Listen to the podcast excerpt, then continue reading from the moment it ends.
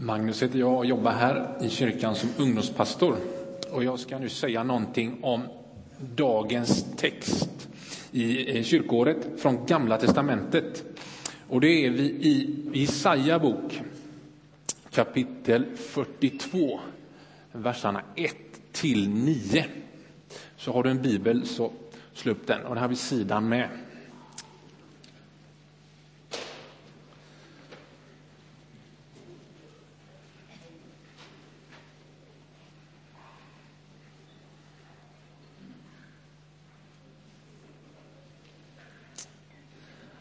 Herre, låt ditt ord få bli ord som kan få bli våra i betydelse att vi kan ta till oss dem, Herre. Amen. Detta är min tjänare som jag ger kraft, min utvalde som jag har kär. Jag låter min ande komma över honom. Han ska föra ut rätten till folken. Han ropar inte, han höjer inte rösten, hans stämma hörs inte på gatorna. Det knäckta strået bryter han inte av, den tynande lågan släcker han inte. Trofast skall han föra ut rätten. Han ska inte tyna bort eller knäckas innan han har fört rätten till seger på jorden. Fjärran länder väntar på hans undervisning. Så säger Gud, Herren, han som har skapat himlen och spänt upp den, brett ut jorden med allt vad den alstrar, han som gett liv åt människorna där, livsande åt dem som vandrar på jorden. Jag, Herren, har i min trohet kallat dig. Jag tar dig vid handen och skyddar dig. Genom dig ingår jag ett förbund med mitt folk till ett ljus för de andra folken. Du skall öppna de blindas ögon och befria de fångna ur fängelset, ur fängelsehålan dem som sitter i mörkret. Jag är Herren, detta är mitt namn. Jag delar inte min ära med någon, inte min berömmelse med gudabilder. Det som förut var är förbi, nu förkunnar jag något nytt. Innan det ännu spirat kungör jag det för er. Vem är Gud? Hur han är Gud när han uppenbarar sig själv. I historien så också frågan, vilken är gudarna och hur uppenbarar sig gudarna? En man med en hammare, han hette Tor. Seus med en treudd, en fisk och en häst. Elefantguden Ganesha. Gud som en kejsare. Gud i form av pengar och lyx. Gudsbilden ska ofta vara mäktig och kraftfull. Men så finns det en annan berättelse som i jämförelse med de andra gudabilderna är ganska absurd. Men samtidigt så fascinerande och så fantastisk. Hur Gud som skapat himlen och spänt upp den brett ut jorden med allt vad den alstrar, som gett liv åt människorna, som är helig, helig som vi sjöng, väljer att uppenbara sig och gör det som en tjänare. Det är inga palats, det är inget bling-bling, det är inget spruta champagne. Utan han avstod från allt och antog en tjänares gestalt. Jag tänker att det går emot vad vi instinktivt kopplar ihop med gudomlighet. En tjänares gestalt. Och hos Jesaja så växer den här bilden fram i de så kallade tjänarsångerna. Vi läste en av dem i Jesaja 42. En Herrens tjänare med stark och tydlig koppling till Gud. Den utvalde som Guds ande skall komma över. Och en dag, ganska många år senare, efter Jesaja sa detta och det skrevs ner, så står Jesus vid floden Jordan. Han kliver i floden och låter sig döpas av en man som hette Johannes. Och när Jesus stiger upp ur vattnet så ser han himlen dela sig och anden kommer ner över honom som en duva. Och en röst hördes från himlen. Du är min älskade son. Du är min utvalde. Jesus antar en tjänares gestalt, han döper sig och bekräftas av Gud att vara den utvalde som Gud har kär. Ännu ganska många år senare så läser du och jag orden från Jesaja. För de som hörde orden på hans tid så var det något som ännu inte spirat, som den sista versen sa. För oss som känner till Jesus, om vi nu gör det, och läst om honom och fattat berättelsen, så är Jesu ord mer som en årskrönika. Det är väl ändå en bra bild i dessa tider, va? Vi har Aktuellts årskrönika, vi har ett år med kungafamiljen, men framför allt, vi har OS-krönikan.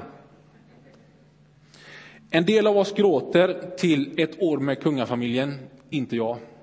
Jag är alldeles för cool för det. Men till OS-krönikan, då gråter jag. Charlotte Kalla tog guld, men jag upplever som att hon tar guld igen. Jag upplever herrarnas stafett och de tar guld igen. Jag upplever den otroligt spännande dubbeljakten på 30 kilometer då Hellner spurtar hem guldet efter Johan Olsson har lett loppet och dratt liksom. Och så, så vinner Hellner och så är det lagarbetet som är helt otroligt. Tack, Anders Södergren. Alltså, jag upplever extasen igen.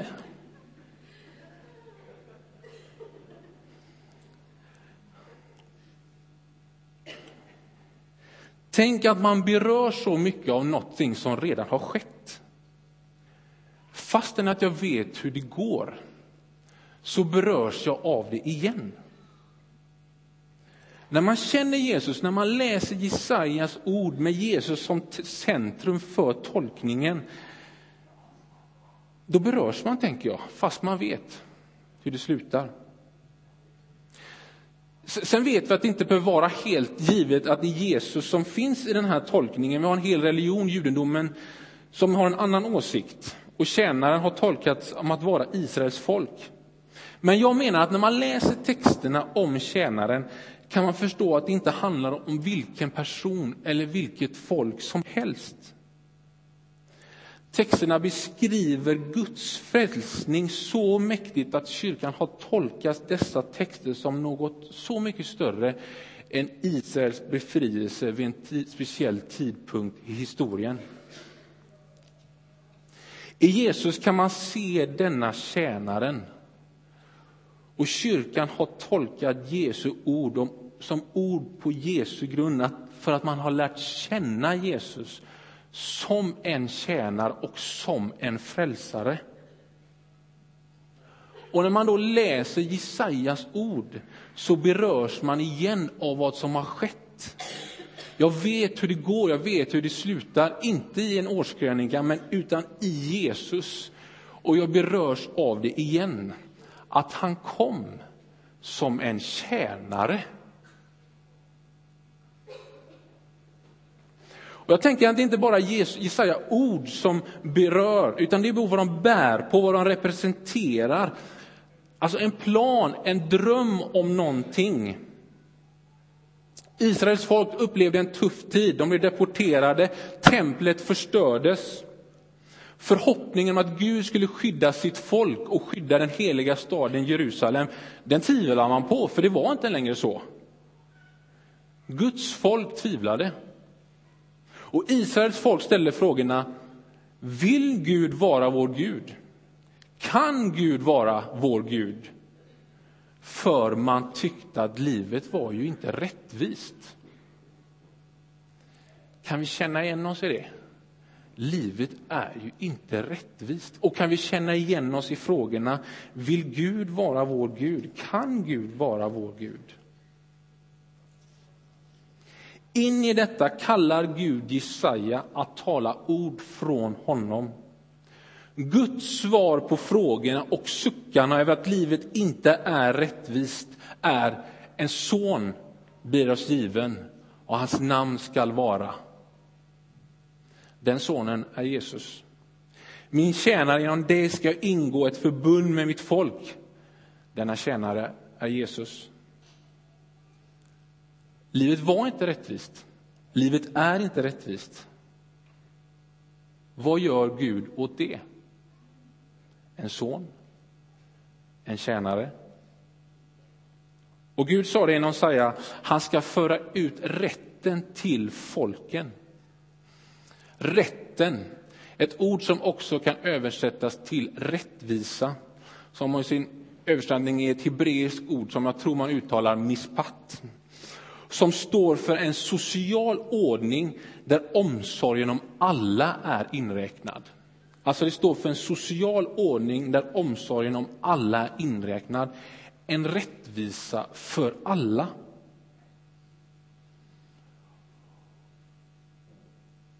Och känner du igen lite tonen här i Jesus undervisning om saligprisningarna i Matteus 5? En rättvisa för alla. Och Den här sociala ordningen ska tjänaren, den utvalda, inte bara representera eller erbjuda, utan föra ut. Jesus han levde vad han sa. Han förde ut det rättvisa, han vände upp och ner på sociala mönster. Han såg det minsta som utvalda, bekräftade de annorlunda, bekämpade inte svärd med svärd utan med kärlek och förlåtelse. Jesus kom inte som en mäktig kejsare, utan han var nådefull i sitt bemötande. Den låga som fanns hos folket efter rättvisa, den släckte han inte. Han bröt inte av det som var trasigt. Folk ville knäcka honom, få honom att försvinna, få tyst på honom. Men han gav inte upp, utan han gav trofast fortsatte han att föra ut rätten. Och vi som har läst om Jesus och känner Jesus vet om uppståndelsen och hur det slutar, att han vann över dem som ville knäcka och få tyst på honom. Gud var med honom, skyddade honom. Inte från orättvisorna, men för att rättvisan skulle få sista ordet. Och Gud sa det, inom dig ingår jag ett förbund med mitt folk. Förbundet är Guds uppmaning om omvändelse, löftet om förlåtelse, rätten att bli ett Guds barn, rättfärdiggörelse genom tro, försoning, Guds närvaro, deltagande i Guds rike, hoppet. Det finns många ord för att förstå försoningen. Men riktningen är alltid Jesus. Att följa honom som antog en tjänares gestalt då han blev som en av oss. Man kan säga att Jesus förkroppsligade förbundet. Han bjöd in oss att vara med. Gud kallade Jesus, Jesus kallar på oss. Livet är orättvist. Vad gjorde Gud? Sände sin son för att tjäna in i orättvisan, för att föra ut rättvisa. Vad gör Gud idag? Han sänder sitt folk i efterföljelse av Jesus för att tjäna i orättvisan och föra ut rättvisa. Var ljus för de andra folken, som Jesaja sa.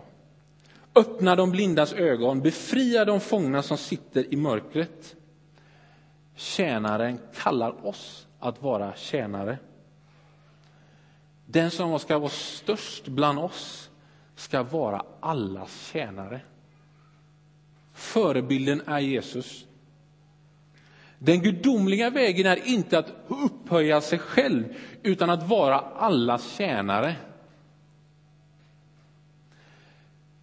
Kristen andlighet är inte ett skyltfönsterandlighet. Se mig, bekräfta mig. Det är inte heller en jantelagsandlighet, nej men jag kan ingenting. Utan det är tjänande. Och egentligen så är andlighet ett helt fel ord, för det finns inte i det gamla testamentliga och det bibliska språket, utan om ett liv, om en livsattityd av tjänande. Varför? För att Gud har valt den vägen. Jesus är den vägen. Och tjänarens riktning är inte den egoistiska. Det gäller inte om vad vi inte har fått, utan det gäller vad vi har fått. Gud har gett oss. Vad har du fått? Hur kan du använda det för andra? Talanger, kunskap, tid, pengar. Vad har du fått?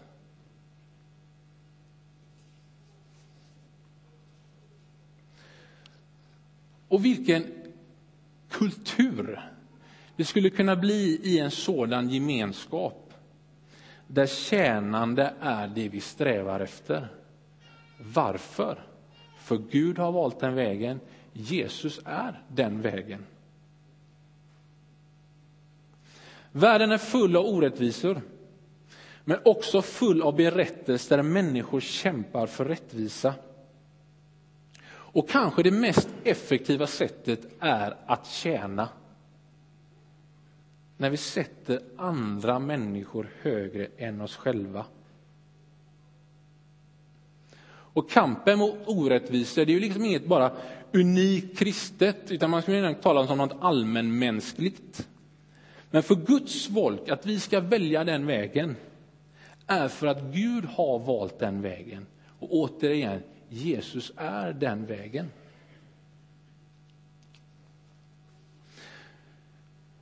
På Gamla testamentets tid så hade Gud konkurrens om vem som skulle vara Gud. Med ett gäng olika gudabilder som det står här. Men Gud delar inte med sig av sin ära och berömmelse med dessa gudabilder. Och det är fullt förståeligt. Är man Gud, tycker man det är ju konstigt att någon istället ber till några slags gudabilder. Om vi sätter oss in i Guds perspektiv. Varför välja bilder när de kan tillbe mig?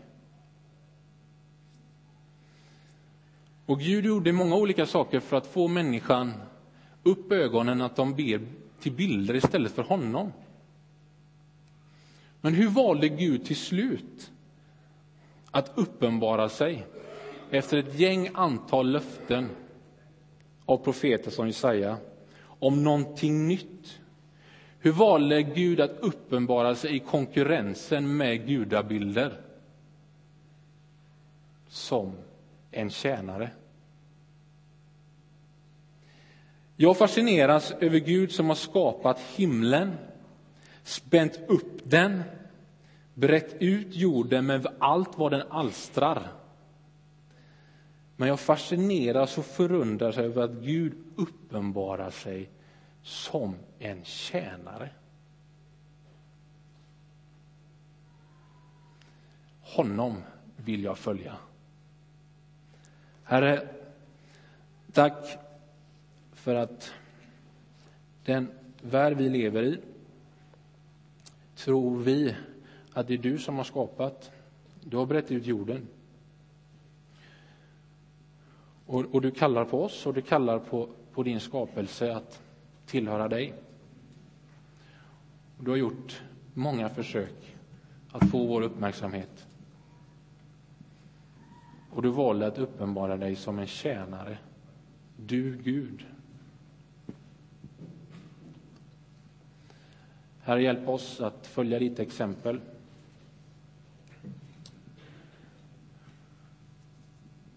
Sätta andra människor högre och framför oss själva. Amen.